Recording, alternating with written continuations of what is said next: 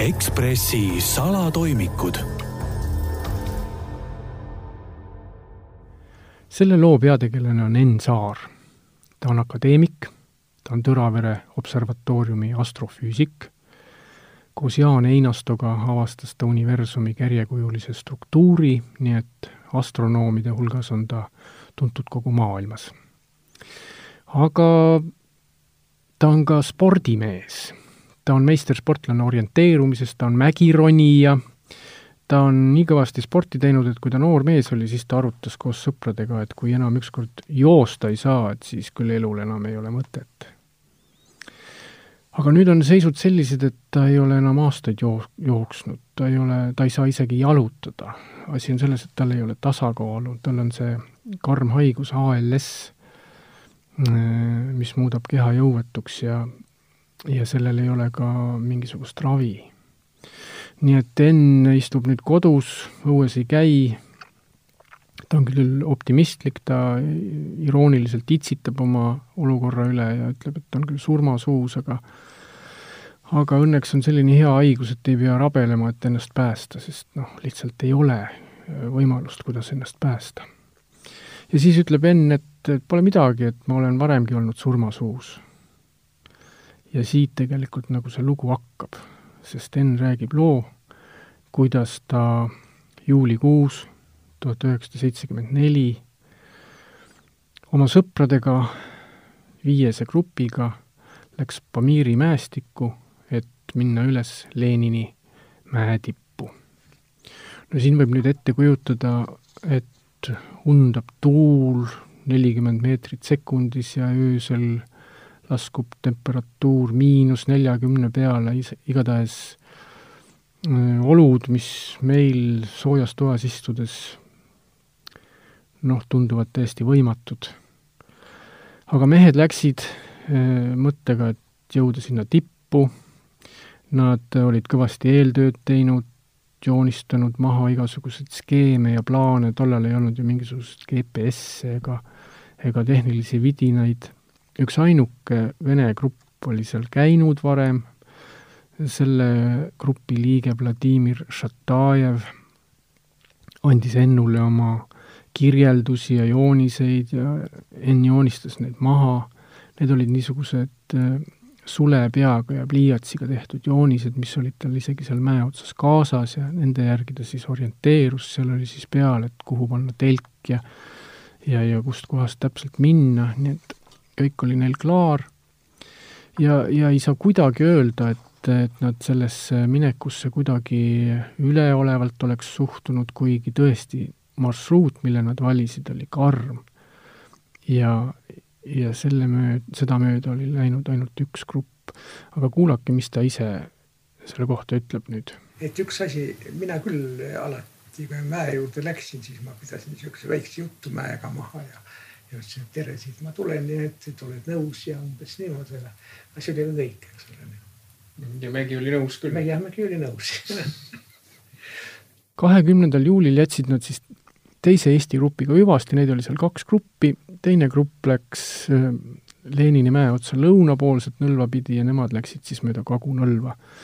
ja see minek oli nii karm, kujutame ette nüüd korraks, alustasid nelja tuhande meetri kõrguselt, kus oli liustik, siis oli neil kaks ja pool kilomeetrit horisontaalset tõusu. kaks ja pool kilomeetrit.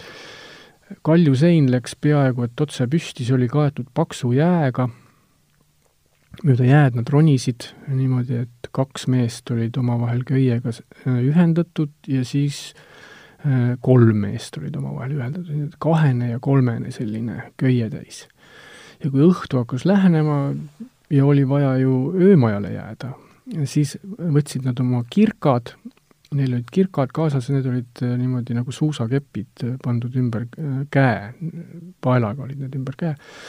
Nad ise olid, seisid püsti seal jääseinal ja raiusid siis kirkadega sinna seina sisse, jää sisse niisuguse platsi, kuhu mahuks telk, mille saaks püsti panna siin Vene ajakiri Vokrug Sveta kirjutas äh, kohe järgmisel aastal, seitsmekümne viiendal aastal niisuguse värvika reportaaži sellest minekust ja ja kirjeldas, et, et see esimesel ööl see telgi koht oli meestel nii väike, et sinna mahtus ainult pool telki ära ja et mehed magasid istudes, äh, jalad üle, üle kuristiku ääre rippu ja olid siis ise köiega seina külge seotud. no Enn ütleb selle peale, et see on nüüd, siin on fantaasiat rohkem kui, kui seda, mis tegelikult oli. Aga no selge, et äh, nii või naa, et olukord oli ikkagi ülikarm. järgmisel päeval ronivad jälle edasi õhtul kordub jälle sama, panevad jälle, raiuvad äh, telgi jaoks platsi, panevad selle püsti, siis ollakse kuskil viie ja poole tuhande meetri peal merepinnast. siis peavad nad seal ühe grupiliikme sünnipäeva, Tõnu Tõnisson saab kakskümmend kaheksa aastat vanaks, kõik on seal, telgis on laud kaetud, joovad seal teed ja, ja vaatavad, mis neil seal, mis neil seal kõrvale võtta on, aga siis öösel hakkab sadama lund öösel hakkab lund sadama ja, ja sajab hästi paksu lund ja ei lõpe ega lõpe. kolm ööd ja päeva sajab lund. ja mehed on siis seal telgis, edasi minna nad sellises lumesajus ei saa.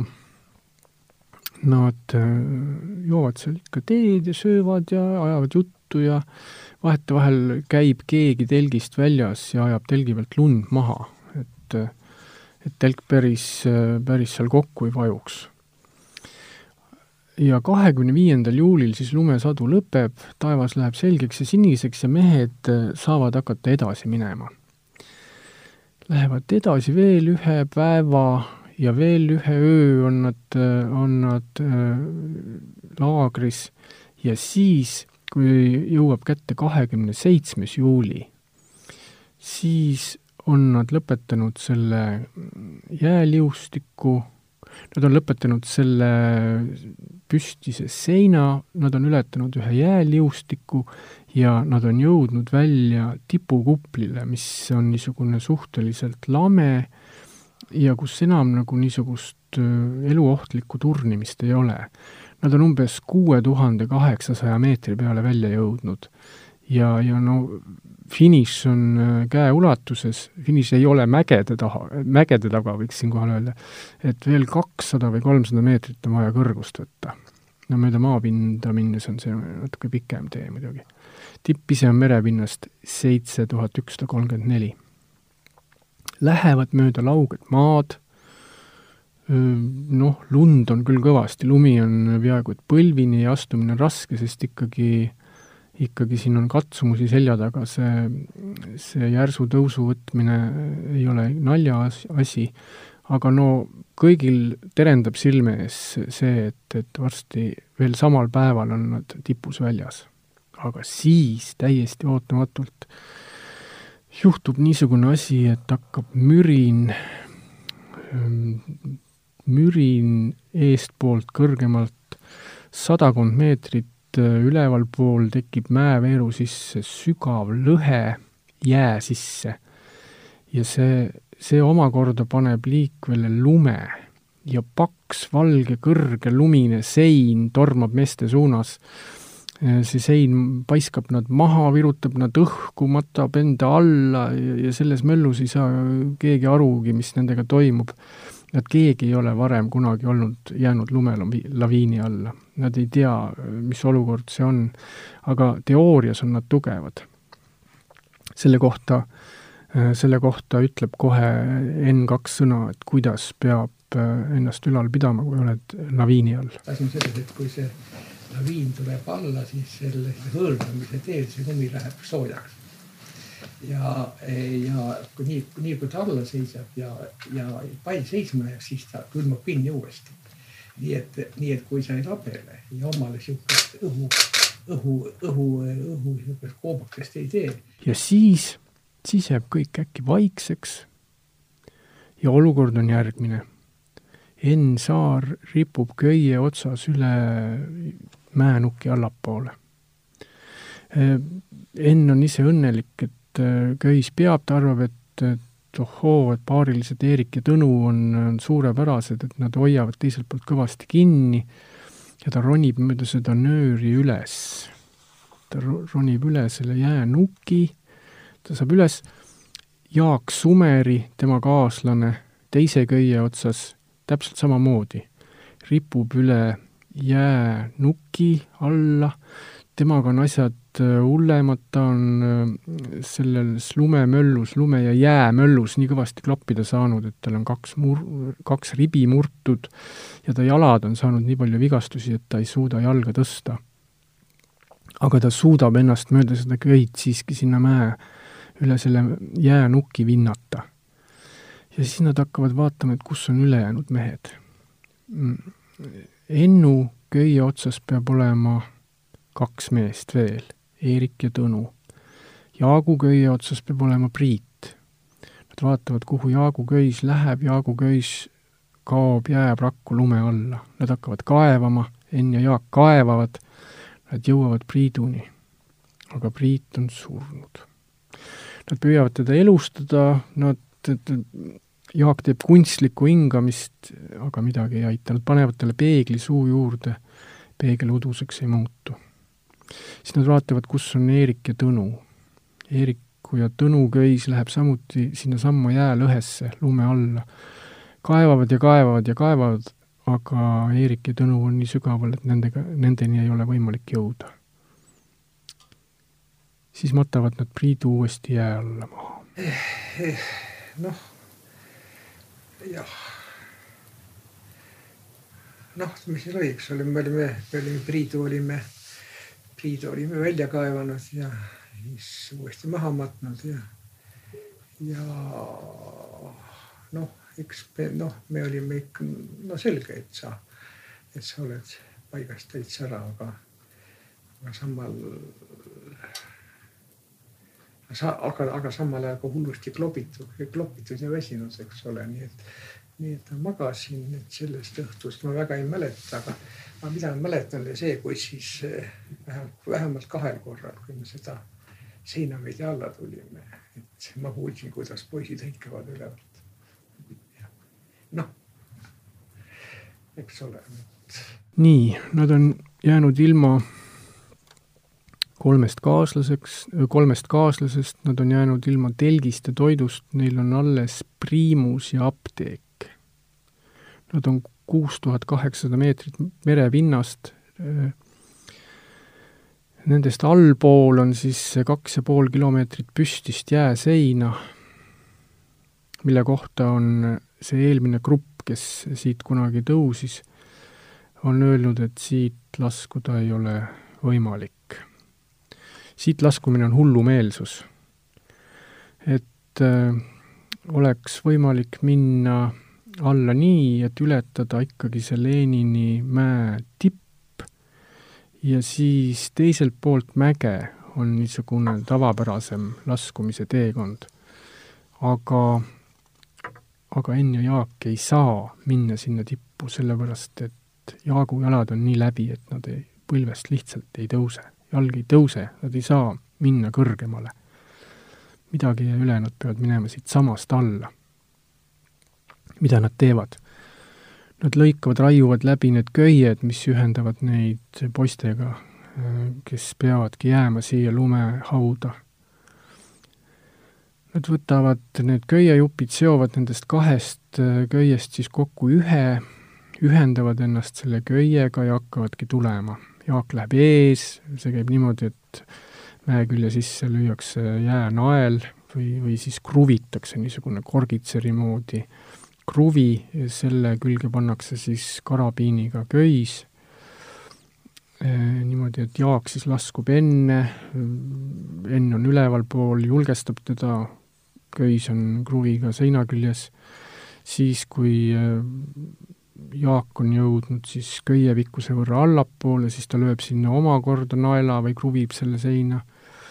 Ja ja Enn siis laskub omakorda ja noh, niima-, nii nad üksteist siis julgestavad ja lähevad.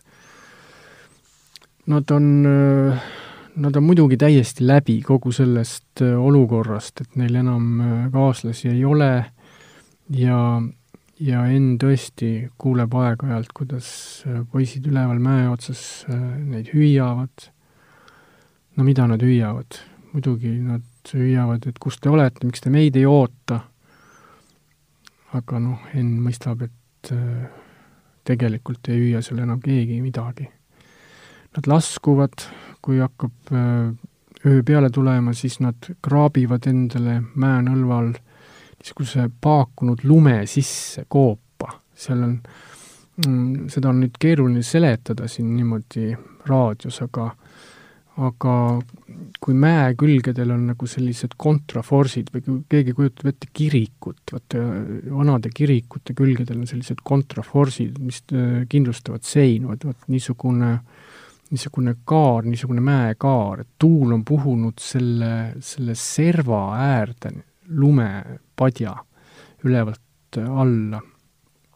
ja, ja selle paakunud lume sisse nad siis teevad koopa, priimus on neil, neil olemas, nad sulatavad sellega lund ja ja saavad vett juua ja, ja süüa neil ei ole midagi. ja, ja selleks, et midagigi süüa, siis nad söövad äh, apteegist, mis neil kaasas on, söövad tablette, tetratsükliini ja analgiini ja mis nad seal krõbistavad, et lihtsalt, et midagi süüa. pärast selgub, et sellest on neile ka kasu, sest äh, kui palju tarvitada antibiootikume, siis tapab see kõhus mikro, mikrofloora ja, ja ei ole tühja kõhu tunnet, nii et sellest on neile abi. tuleb uus päev, nad jälle laskuvad, ega nad ei mäletagi enam, mitu päeva nad õigupoolest laskuvad, kõik päevad, ööd lähevad nagu ühte ritta, sest, sest laskumine on tõesti piinarikas, eriti jaagul kes, kes siin ikka, kas nüüd iga sammu peale, aga tu-, tunneb ikka väga tugevat valu, sest, sest ribid on sees ja, ja jalad on saanud kõvasti kolkida, siis ühel õhtul kaevavad, tahavad jälle hakata koobast kaevama, aga see, see lumepadi, mida allapoole minna, seda väiksemaks see jääb, seda õhemaks see jääb ja ei olegi enam võimalik koobast kaevatada, nad kaevavad, äh, kraabivad lihtsalt väikese lohu ja, ja istuvad seal lume sees. ja, ja siis ei julge nad võtta ka enam saapaid jalast ära, nad tavaliselt võtsid telgis ja, ja seal ka varasemates lumekoobastes võtsid ööseks saapad jalast ära, et siis äh, panid saapad äh, seljakott, või tähendab, jalad seljakoti sisse ja, ja, ja, ja magamiskoti sisse, et jalad oleks soojad, aga kui nad nüüd on seal selles väikses lumehanges niisuguse järsu seina peal köiega öösel selja küll, seina küljes kinni, siis nad ei julge enam saapaid jalast ära mõt-, võtta, mõtlevad, et kui saapad nüüd alla lendavad, siis nad siit enam küll kindlasti alla ei lähe. aga saab seegi öö mööda ja, ja nad jõuavadki alla, nad jõuavad sinna liustikule, kus nad siis kahekümnendal alustavad. ja nad on all, käed on paistes. Ennul on käed paistes, sellepärast et et seda metallist karabiini kogu aeg lahti kruvides alati, kui nad seda sinna seina külge kruvisid, selle karabiiniga oli niisugune lugu, et, et suure külmaga jäätus see lihtsalt kinni seal, seal on üks vint, mida tuleb keerata ja see vint enam ei toiminud. ja siis ta võttis alati kindad käest ära ja oma käes, käte soojusega soojendas selle lahti. ja, ja käed olid sellest nüüd nii üles paistetanud, et need olid nagu kummipallid, nad ei tundnud enam ei, ei äh, kuuma ega külma ja sellest viimasest korrast, kui nad saapaid jalast ära ei võtnud, siis äh, külmetasid jalad nii tä-, nii ära, et see oli põrgu valu mis neil oli viimasel päeval, kui nad mäest alla tulid. nii, sellises olukorras jõuavad nad siis alla liustikule, nad mäletavad, et nad on kuskile sinna esimesel päeval jätnud ühe toidukoti, kus sees on veidi suitsuvorsti. ja siis nad hakkavad seda toidukotti otsima. Nad näevad küll punast raketti, mis, mis läheduses õhku lendab, taevasse lendab aga nad trambivad oma toidukoti poole ja nad ei äh, suudagi mõista, et mi-, mis asi see rakett selline on, et tegelikult olid sõbrad tulnud neid juba otsima. see teine rühm, kes äh, läks mööda teist marsruuti, see oli juba alla jõudnud ja ja tuli nüüd ot-, otsima, et kuhu, kuhu sõbrad kadunud on. sest kontrollaeg oli juba ületatud, millal nad pidid all kokku saama. nii, sõbrad lasevad oma punaseid rakette, aga meie poisid trambivad ikka oma suitsuvorsti koti poole ja siis läheb ikka tükk aega aega, enne kui nad aduvad, et nii, et et ometigi, et need rak-, raketid tähendavad ju seda, et, et meile on tuldud järele, meid otsitakse. siis nad saavad kokku ja, päris baaslaagrini on sealt liustikult veel päris pikalt minemist, aga, aga nad saavad sellega ka hakkama. ja jõuavadki siis baaslaagrisse, kus siis tuleb neile järele helikopter ja et nad saaksid arsti juurde ja, ja saaksid sealt minema. helikopteriga juhtub veel sada jama, seal on helikopter, jõuab küll kohale, aga siis selgub, et tal on akud tühjad ja ei saa enam õhku tõusta ja siis minnakse kohalikku linna uusi akusid otsima või siis teine variant, et et keegi tooks kohale helikopteri käimalöömise vända, kujutate ette, helikopteri käimalöömise vända. ka niisugune asi on olemas aga et vända otsimine ja akude otsimine võtab kaua aega ja siis nad on seal, seal baaslaagris ja arutavad seal kohalikega igasuguseid variante, et, et kuidas see asi edasi nüüd võib minna. ja muuseas, samal ajal, samadel päevadel on, sellesama Lenini mäetipu teisel küljel tegelikult üsna tipu lähedal kaheksa vene naist kes on kõik nende meie meestega ka head tuttavad, nad on läinud samuti seda tippu seal vallutama, aga jäänud ka lumetormi kätte ja nemad ei suuda äh, enam telke püsti panna ja nad ei äh, suuda ka lumekoopaid kaevata. Nendel on raadiosaatja ja, ja, ja see on täiesti masendav, missuguseid teateid nad sealt annavad Äh, need viimased äh, teated tulevad ikka täitsa juba siis, kui äh, osad nendest, nende grupi liikmetest on surnud. Neid oli kaheksa ja nad kõik külmuvadki sinna mäe otsa ära, viimased on sellised, et viimased ellujäänud nutavad ja paluvad andeks, et nad ei suuda oma ülesannet täita ja et nad seal mäe otsas üle, ära kustuvad. nii muidugi niisugustest asjadest tollal ei kirjutanud ükski ajaleht. niisugust asja ei saanud olla võimalik, et, et Nõukogude Liidus nüüd alpinistid, kaheksaliikmeline grupp, kõik saavad üleval surma või siis ka siis meie meestest viiesest grupist kolm jääb üles leht sellest ei kirjutanud, aga uudis levis, levis ikka niimoodi suust suhu ja jõudis ka juba Eestisse.